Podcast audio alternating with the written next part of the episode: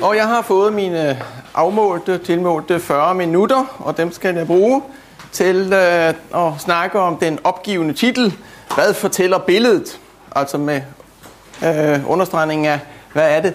Billedet fortæller. Og så har jeg selv lavet en undertitel, som hedder Se, akkurat slik var det. Og jeg tror jeg bare starter med dette her billede, som øh, er forsidebilledet på øh, bogen, som jeg har udgivet sammen med Maiken Hoverstein, som hedder Body Bildet. Øh, vi synes, det var et meget sådan, godt billede at bruge øh, i vældig mange sammenhæng, fordi det siger lidt om, hvad billederne betyder i dag, altså den visuelle kultur. Dette her er øh, kunstneren, som hedder Erik Kessel, som øh, en dag i 2011 tog og printede ud alle billederne, som var publiceret på Flickr, og det var altså, som I ser, 950.000. Det var i 2011. Øh, I 2013 var det på en dag 3,5 million billeder. Så det siger lidt om, altså, at det visuelt, det betyder sgu noget.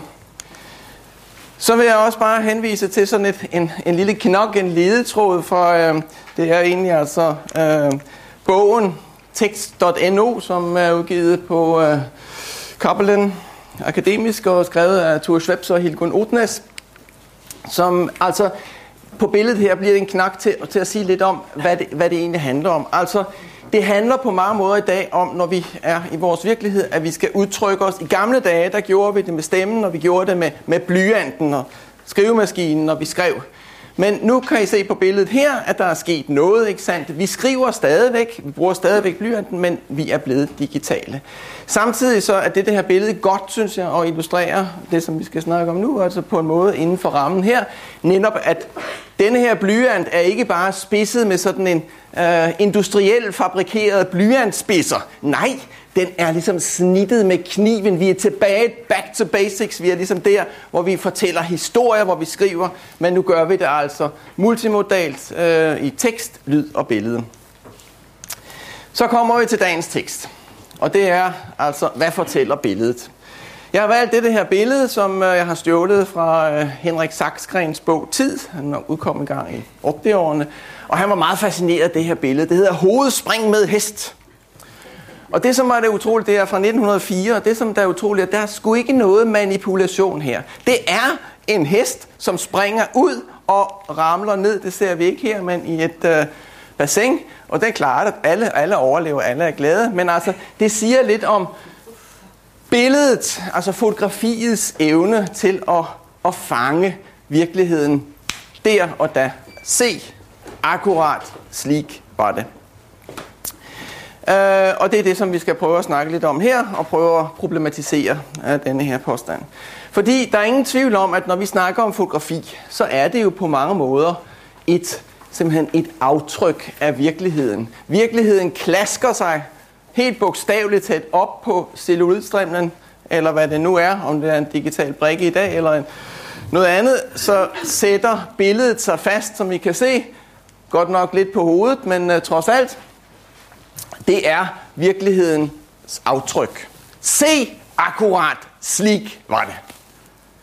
Og det er jo det, som vi øh, forholder os til, når vi ser billeder. Og jeg har tænkt mig at tage udgangspunkt i, i dette her billede, som øh, er et billede, som vi kender alle sammen. Det er et billede, som et, et visuelt udtryk, som har fået en enorm betydning i, øh, øh, i Norge de, de, de seneste år. Det har medført en voldsom diskussion, der har medført en retssag, og der er ankesag. Og der er nok ingen tvivl om, at dette her billede, akkurat, se, slik var det, har været medvirkende til det. Det fik en øh, pris. Øh, det, det blev årets billede i 2007, og øh, vi kan dvæle lidt ved juryens begrundelse, fordi det er blandt andet her, der har hentet titlen på foredrag. Akkurat slik var det. De øh, skriver nemlig som følger. Billedet, som har titlen Forladt af ambulancen, blev af juryen valgt som vinder af følgende grund. Nu er det mine røde fremhævninger. Billedet viser os med kraft, hvor vigtigt det er, at fotografer er til stede, når det sker. Uden dette billede havde ikke dette havnet i nyhederne. Kunne en tilfældig forbipasserende med mobilkamera har fotograferet hændelsen på denne måde? Næppe. Det fotografiske blikket gør forskellen. Inden for rammen, inden for rammen, fortælles en fortættet historie om sommer, ulykke, intens sinde og fortvivlelse. Først når vi har set en stund, får vi øje på manden øh, på bakken. Akkurat slik var det. Denne her øh, tekst siger egentlig alt, øh, som man kan være interesseret i, når det snakker om, man snakker om billedteori. Altså, der er det viser, vi er inden for en ramme, der er en fortættet historie, og så er der øh, altså et øjeblik med, med, øh, med redsel og, og, og ulykke, og så pludselig så ser vi, jamen hov, der er jo også noget, som er komponeret, som er sat op, så vi skal forstå det på en bestemt måde. Altså, øh, billedet her er jo fra, først og fremmest, kan man sige, netop næsten sådan øh, en slags dokumentarisk øh, bevis på, at sådan var det. Ikke? Ligesom disse her, nu begynder vi øh, at, at få mange øh, forskellige billeder. Jeg husker øh, det der med, var der nu, var der nu øh, klisterbånd på den her kuffert, øh, og, eller var der ikke? Og jo, der var et billede, som viste, at det var taget på. Det bliver en slags bevis i retten. Se, akkurat slik var det. Øh, så her vil jeg bare sige, at når vi skal snakke om, hvad fortæller billedet, så må vi, så må vi trække eller kan med fordel trække den gode gamle retorik ind som andet end bare sådan svulstig veltalenhed, men simpelthen øh, prøve at se lidt på, på de elementer, de appeller, som ligger i retorikken. Og billedet har jo på mange måder, fotografiet, først og fremmest sådan en, en logos-appel. Som der står her, altså logos-appellen handler om at vise, det handler om ligesom at demonstrere, at noget i retssagen for eksempel var sådan, sådan var det, og det skal man bevise, og det er forestillingen om, at der på en eller anden måde må, det må være muligt at finde frem til en sandhed bag øh, den overflade, som kan have mange indfaldsvinkler. Så det her har vi jo billedet som, som, øh, som indeksikalsk udtryk, altså aftryk af virkeligheden, øh, helt klart. Så den anden ting, og der vil jeg, må jeg kreditere min kære kollega Bernd Eide, som er på fotojournalistik, og han har skrevet en stor afhandling netop om indgang til, indgangsvinkler til det at analysere billeder. Og han er meget hamrende irriteret på øh, os, øh, som begynder at se på billeder som tekster og som strukturalistiske øh, elementer, man kan analysere, bygget op og komponeret. Han, han siger, jamen altså Kevin, når det gælder, når det gælder billedet, nu populariserer og skærer lidt til, men det som han siger, det er, når det gælder fotografiet, så er der én ting ved fotografiet, som den her indfaldsvinkel helt glemmer. At fotografiet, og der henviser han, henviser han til moderne hjerneforskning og kognitiv forskning, fotografiet har på en eller anden måde en helt unik evne til at genskabe virkeligheden og faktisk sætte reaktioner i gang i os på samme måde, som hvis vi var der selv, hvis vi stod i virkeligheden og så dette her. Og det kan han det har han så en lang og meget grundig udredning om. Det, det er faktisk vældig vigtigt. Øhm, så det må vi ikke glemme, og det er jo det, som også, det er jo netop det, der har gjort, at det, det her billede har fået den der pondus, altså sådan var det. Nej, nej, det er ikke det, der er det vigtige, det er, oh, oh, nej, oh, altså det er redsel og øh, fortvivlelse, som der stod, som, som billedet udtrykker.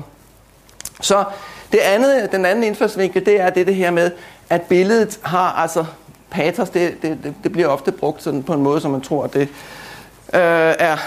Øhm, altså noget, noget sådan lidt forkert og svulstigt, men det, det handler om, det har, det har den der emotive karakter. Udtrykkes øh, forførende kraft på en måde. Øh, så øh, kan vi jo også sige, at det billedet, og der er så jeg må komme ind med, med mit øh, strukturalistiske udgangspunkt, jamen billedet er jo komponeret i kan se, vi, vi læser, der er en klar læseretning, det var også for så vidt det, som bliver udtrykt i, i begrundelsen. Vi læser det deroppe fra, Øj, og så opdager vi ham der til sidst, altså læseretningen er klar. Vi har næsten som på det egyptiske, i det egyptiske øh, værdiperspektiv, den som er stor i billedet, er den som har magt, altså der står politimanden, Sebor, ikke sandt, skiltet, og så har vi det, det her, en, en klar linje ned, øh, hvor, hvor vi får den modsætning, der er den der kontrast mellem de to oppe og nede, og redsel og, og, og myndighed og magt. Og så kører vi helt ned, så har vi det tredje element, som vi netop opdager øh, sidst. Det, det her billede er jo et øjebliksbillede. Og det kan godt være, at det ikke er alderen værd, som kunne tage det. Fordi det der billede er jo givetvis beskåret. Det er ikke manipuleret, men det er inden for rammen trykket ind, så når vi netop får fortællingen. Fordi det så måske helt anderledes ud. Forestil jer ligesom, at det var så stort, ikke? så var det slet ikke det samme billede. Så der er den tredje, det tredje element, det er etosen, altså den tillid, som vi kan have til den, som står bag, altså som der står her, afsenders troværdighed ved hæftighed. Øh, og der, der handler det om frihed til selvfremstilling. Det er de tre elementer, som, som er til stede i det, det her billede. Øh, det er fra 2007, og vi kan gå videre, øh, fordi billedet fik jo på mange måder et efterspil. Og øh, i 2011,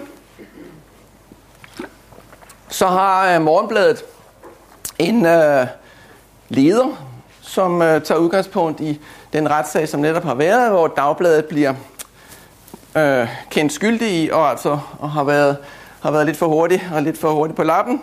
Og det, som, som står der, det må jeg heller bare lige læse op, fordi det siger, det siger også lidt om, om billedet.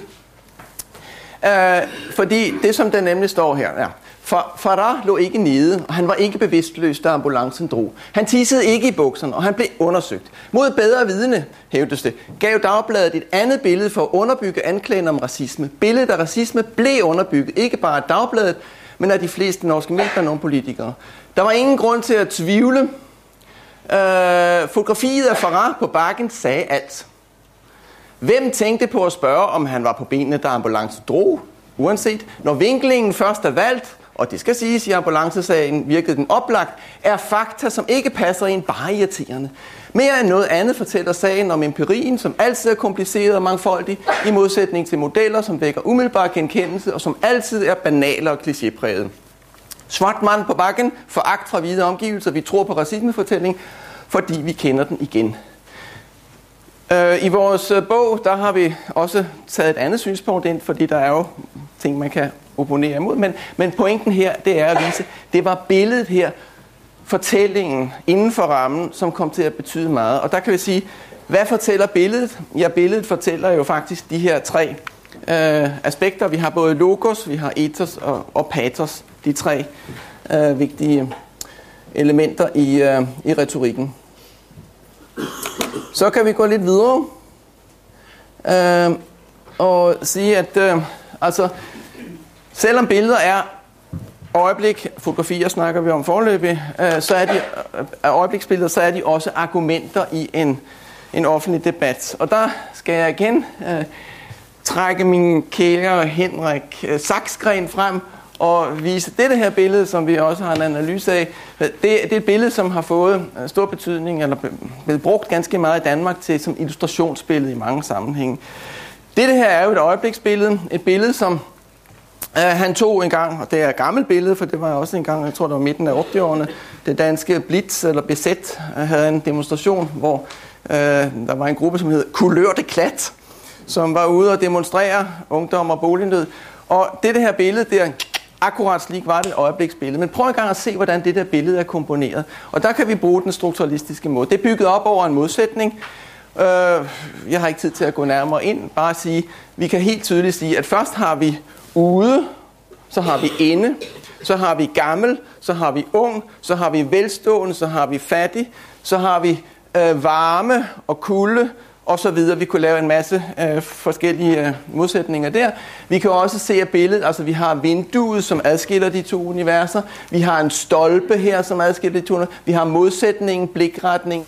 Øh, man kan sige, at det, det er jo ganske sjovt at se, det der foregår, det er D'Angleterre i København på Kongens Nytorv. Det kunne være Teatercaféen. Det vil være det samme. Men prøv engang at se det, der spejler sig bag. Det er ligesom Kongens Nytorv. Det er hele det etablerede univers. Det kongelige teater, kunstakademiet, som han ejer på en måde, men han har det bare et eller andet sted. Han står ude i virkeligheden og fryser. Og læg mærke til en ting. Hvor er fotografen? Han er ude. Eller det er, det er han. Ikke hin eller hen. Det, det er han. Henrik Saksgren står ude og er altså på side med ham, øh, den unge fyr der. Så dette her billede er jo et akkurat ses lige men det tror jeg ikke en skid på. Altså fordi det, som Henrik Saksgren har gjort her, det er at være ude og taget 135 billeder på den her tur, hvor han dokumenterede, så er han hjemme i mørkerum, og så har han simpelthen skåret til, så han fik det der vældig godt komponerede billede, som øh, øh, er akkurat slik var det, men det rummer en fortælling, det har alle de andre elementer, og vi bliver påvirket, fordi vi synes, så er det det der med, akkurat slik var det. Det er det her billede, øh, som I jo husker med lille Marvan, som blev fundet af FN-personale langt ude i ørkenen, hvor han gik og var forladt. Ja, det er en dokumentation. Akkurat slik var det. Men ups. Det var jo manipuleret.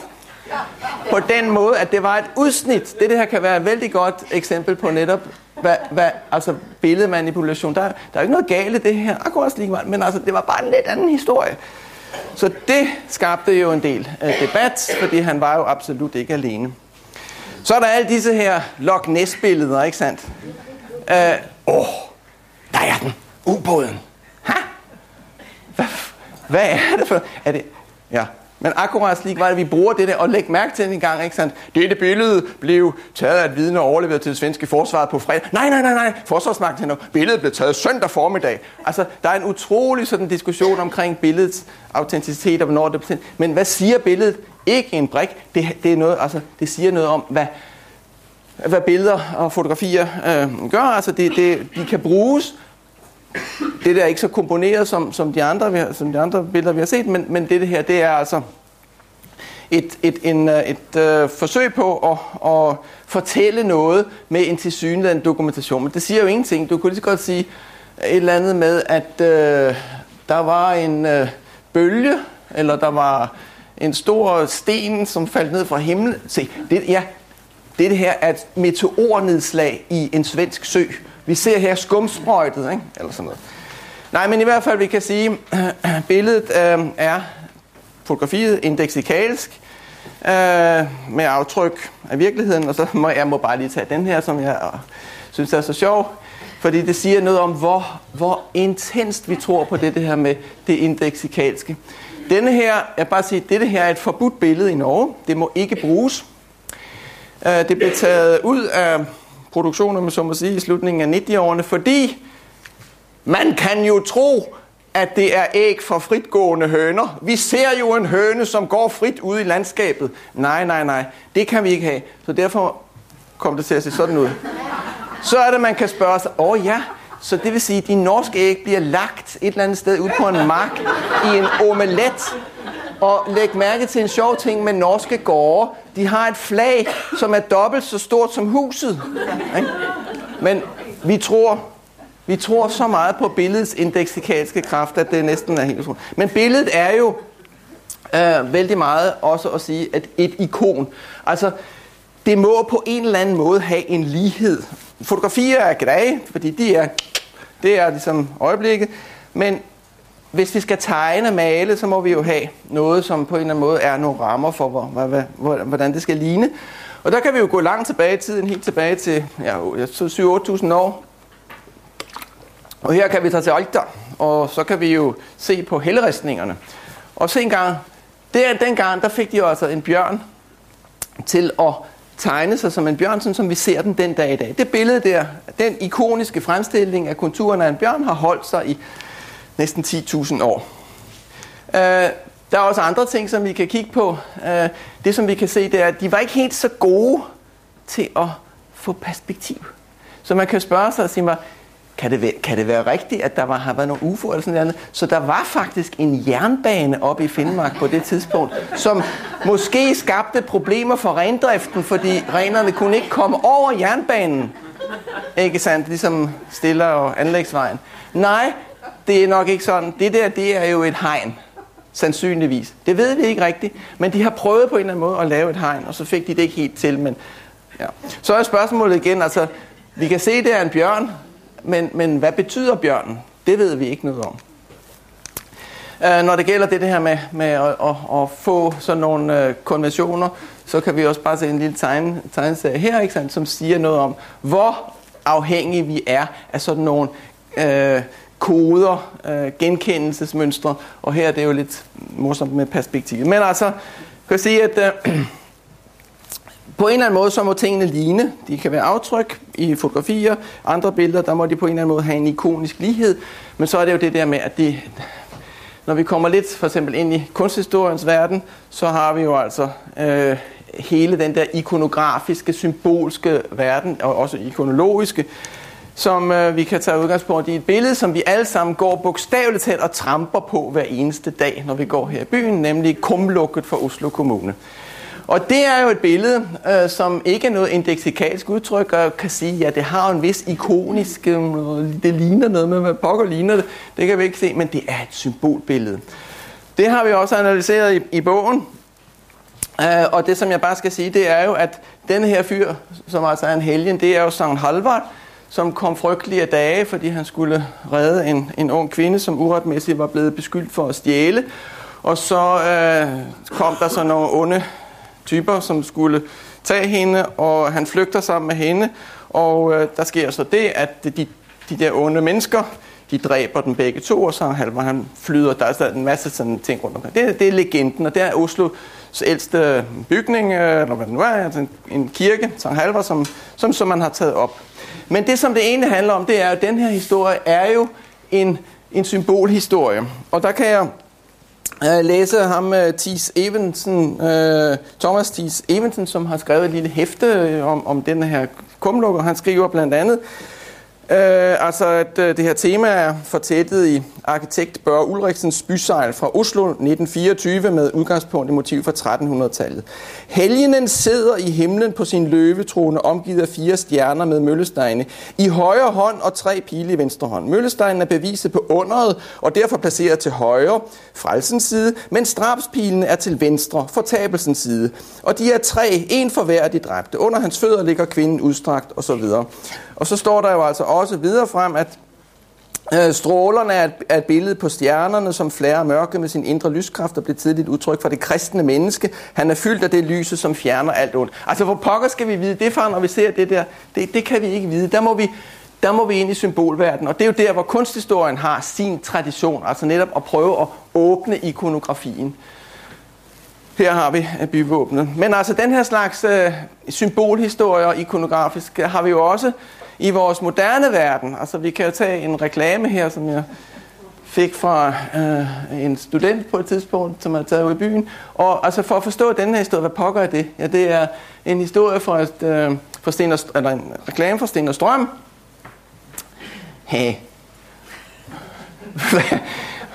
Hvordan skal vi forstå det? Jo, og det kunne vi så bruge lang tid på at gå ind og så sige, jamen her må vi jo have fat i en gammel, en refererer til en historie om rødhætter og ulven. Det er helt klart, ikke? Og rødhætter og ulven kan man analysere, som Bruno Bettelheim har gjort, psykoanalytisk. Det handler om en masse sådan seksuelle øh, uhyggeligheder med ulven, og ja, ikke sandt? Og der må vi gå, altså hvis man skal analysere den her, prøve at finde ud af meningen bag, ja det ligner jo en ulv det der, men det er jo ikke noget, altså det er noget andet, det er en symbolhistorie. Så, så her har vi altså indeks og ikon og symbol, som vi også må forholde øh, til, øh, til billeder i, i vældig mange forskellige sammenhænge. Så er der det der med, ja, og der vil jeg, der vil jeg tage den, den, den der tekstorienterede læsning af billeder. Fordi det er jo sådan, at øh, vi, øh, øh, når vi øh, læser billeder, læser dem som, som tekster, egentlig. Altså, vi læser fra højre til venstre, og, og det siger Berndeide, det skal jeg bare sige, det siger Berndeide, det er ikke noget, som bare gælder vestlig kultur, det gælder alle kulturer. Det siger han faktisk. Jeg har jo altid sagt, at det er fordi, hvis man læste i, i den arabiske verden, så vil man læse fra den anden side. Nej, at man læser billeder af en eller anden mærkelig grund.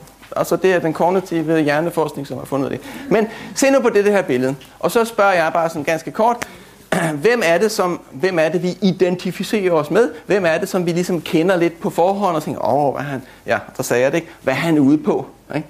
Det er helt givet, at det er herr Hansen, som sidder der, som er den, som vi, åh ja, nej, jeg kunne jo godt, det, det var sandelig en smuk ung jomfru, men uh, jeg er lidt bange for den der hund. Og ja, jeg tror, at hun er, hun er så, hun er så dydsiget, så det, men jeg kan nu lige, altså det er ligesom det, der den her historie handler om. Hvis vi nu bare gør sådan, at vi siger, vender billedet om, sådan der.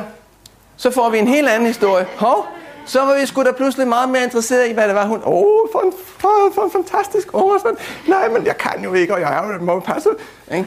Så, så der er det jo igen, altså billedet, vi, vi, vi går ind, og, og så får vi identifikation, fordi vi læser det på den der måde. Og der er også linjer her i billedet, som er helt klare.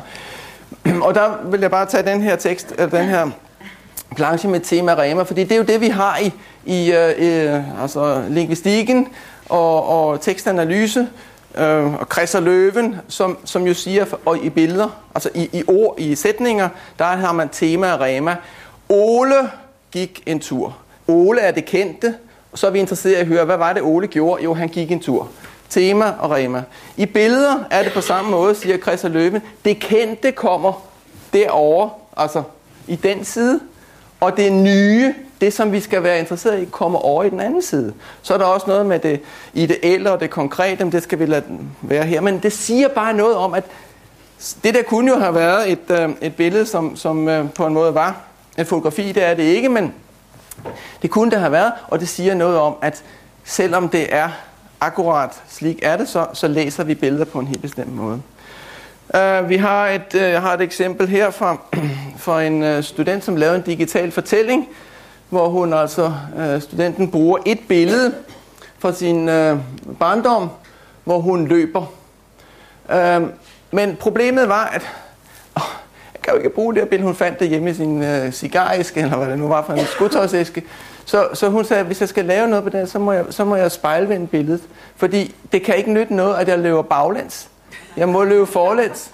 Så det, den, den uh, tanke uh, gjorde hun sig. Og der er digitale fortællinger, der handler om her, så synes jeg, at det her det er sådan på, på en måde en, en ideel historie, som, som gør meget af det, som vi må tænke på. Den, den benytter sig af det helt elementære. Der er et billede. Hun har bare et billede, som hun bruger på forskellige måder. Hun har en streg, og så har hun sin egen stemme. Og den her hedder Sprinteren.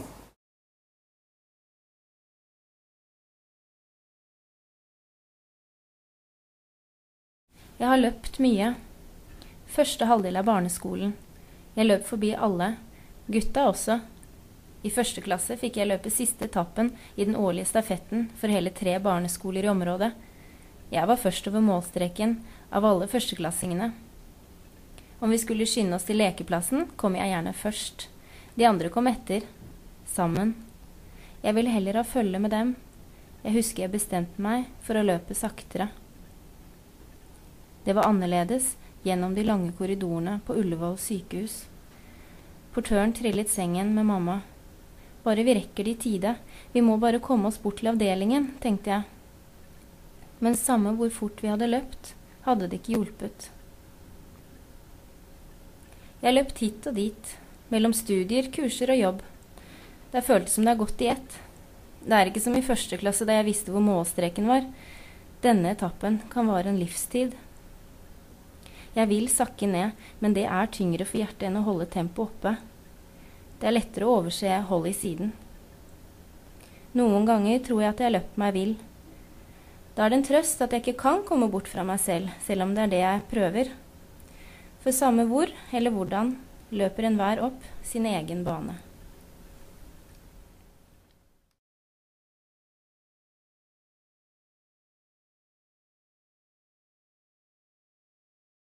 Hun bruger et billede, som hun lægger til grund for sin fortælling. Og billedet fortæller jo absolut ingenting i sig selv. Det er jo hendes historie, det er det, hun siger, som fortæller noget. Ikke? Og her kommer vi ind på det multimodale, fordi stemmen og billedet har hver sin, er det ikke det, der hedder affordans? Og øh, så er det, at jeg vil sige, at billedet er egentlig ret underordnet for det, som øh, stemmen fortæller billede i sig selv, altså hvis jeg nu skal være rigtig rå, ikke betyder en disse. Det er musikken, det er stemmen, det er de andre fordanser, som lægger betydningen ind. Og det må vi tænke på, altså billedet i sig selv. Men vi skal tage lidt opsummering, for tiden går mod en øh, slutning. Øhm, øh, vi har nu altså disse her tre øh, elementer. Vi må tænke på dem alle tre, og vi må næsten tænke på dem sådan i en flet øh, kurv. Øh, og nogle gange er det det ene, nogle gange er det det andet, som er vigtigt. Men altså, billedet Billeder har en elementær beskrivende funktion. Det er bare lige en opsummering. Billeder viser os i en formidlet form øh, elementer fra vores omverden, men der er ikke noget entydigt forhold mellem virkelighed og billede. Billedet er altid selv det mest detaljerede øjebliksfotografi, et udvalgt og fortolket udsnit af en given virkelighed, og billedbetydning bygger på tegn og koder. Vi må beherske visse koder, øh, for det at afbilde virkeligheden, og disse koder er på mange måder bestemt af vores, øh, vores tid. Men samtidig så er det det, at billeder ikke bare er indeksikatske eller viser os et udsnit af virkeligheden med, med koder, altså ikonisk, men de vil også påvirke os på den ene eller den anden måde. De vil meget mere end at, at bare beskrive. De vil aktivere vores følelser, og som vi har set, et billede har for så vidt ikke nogen betydning i sig selv. Det er det, som vi siger om billedet. Det er der, det er der vi kan lyve. Billedet lyver jo ikke en spor overhovedet, men, men det, det er på alle mulige, altså, i alle mulige andre sammenhænge i virkeligheden også sådan, at vi kan lyve. Og det er det, vi må tænke på. Og det er også derfor, at man kan sige, at øh, jeg er lidt sådan skeptisk til det der med, med manipulerede billeder, at man ikke skal kunne bruge dem, fordi man har jo altid manipuleret med billeder. Altså, bare det for eksempel, som Søren Kørup også siger, en af de store billedteorier, han, jamen bare det, at man laver en ramme omkring billedet, man laver et udsnit, man tager en bestemt blænderåbning, så når man får øh, skarphed på et bestemt felt, man får dybde i billedet, eller ikke dybde, er det ikke også manipulation? Ja, det gør man jo. Altså portrætbilledet har tele, fordi det giver en bedre baggrund, men er det rigtigt? Kunne man have gjort det digitalt? Det kunne man godt, men øh, øh, der er det pludselig. Så, så bare, jeg vil bare sige, at... Øh, når det gælder det der med digitale billeder, så må vi på en eller anden måde tænke på, at sådan har det været altid. Vi er, det er altid noget, som vi, vi øh, øh, bruger som, som argumenter i en virkelighed, og som, som lige så vel som andre øh, udtryk, så, så kan man jo øh, ja, man kan lyve, eller man kan gå for langt simpelthen. Men øh, billeder er ikke sandhedsvidner, de er hverken sande eller falske i sig selv, men Derimod er det de meddelelser, vi vil fremsætte med billederne, som kan være det. Det er ikke det, vi siger med billederne, som betyder, øh, det er det, vi siger med billederne, som betyder noget, det er ikke billedet i sig selv.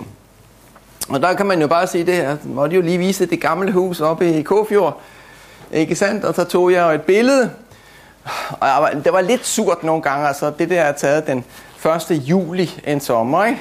Hallo, ikke sandt? Det var, hvornår kommer Nej, Selvfølgelig lyver jeg, det der det billede, det er ikke taget den 1. juli, det er taget en gang i marts måned, ikke? Altså, men man tror på det, ikke? For det står der. Jeg lyver med billedet, så det er der, vi må passe på. Ja, så begynder vi at nærme slutningen, og så når jeg bare lavet sådan et, et, et, en lille oversigt her, som man kunne tage fat på. Fordi vi har altså billedet, som, som går over en, en skala, øh, hvor der er samspil mellem de enkelte fra det indeksikalske billede, fotografiet, over øh, det, som man kunne sige, altså hvor man kan lægge vægt på det ikoniske, det der ligner, og så videre helt frem over i det symbolske. Der er et spændvidde der. Øh, Roland Barthes han snakker jo om denotation og konnotation. Det kan man også egentlig godt bruge her. Altså øh, denotationen i billedet fra Sofienbergparken, den er jo ganske grej, og så har vi konnotationen, som ligger helt herover. Det bliver et, et symbolbillede. Så her har vi altså det konkrete virkelighedsaftryk, referentielt umiddelbart, og sanserne, som spiller ind. Og så har vi herover mere sindbilleder, allegorier, fortællinger, også rødhæt og ulven, som øh, bygger på symboler og bliver abstrakt. Og hvis man skriver det ind i, i øh, kunsthistorien, så Mm. øh, hvad det, han hedder, Panofsky, som jo har den her analysemodel, hvor han siger, hvad gør vi med billedet? Jeg først prøver at se, hvad ligner det? Hvad, hvad, hvad kan vi se? Ja, der er en mand på billedet, eller hvad er det for noget? Og så kan vi sige, nå, jamen, for eksempel kan vi tage det der billede med, med rødhætte øh, fra Sten og Strøm, ikke? Jamen, der står en ulv i en frakke, og så står der en dame med sådan en lidt kort kjole, og så er der en, en sort øh, taxa fra London. Så må vi se den sekundære konventionelle betydning ikonografisk. Jamen, var det rødhætte? Og ulven? Jamen, der får vi pludselig en ramme, der sætter vi det ind i en fortælling, og så kan vi sige, at dette her, det er jo så et udtryk for den senkapitalistiske øh, og så videre øh, købe øh, mentalitet og, og hvordan øh, og så videre, kommercielt og hvad bruger de gamle fortællinger. Så der har vi ligesom de. Så den her, den her model kan være den sidste på, på skemaet, og så kan vi sige slut og færdig.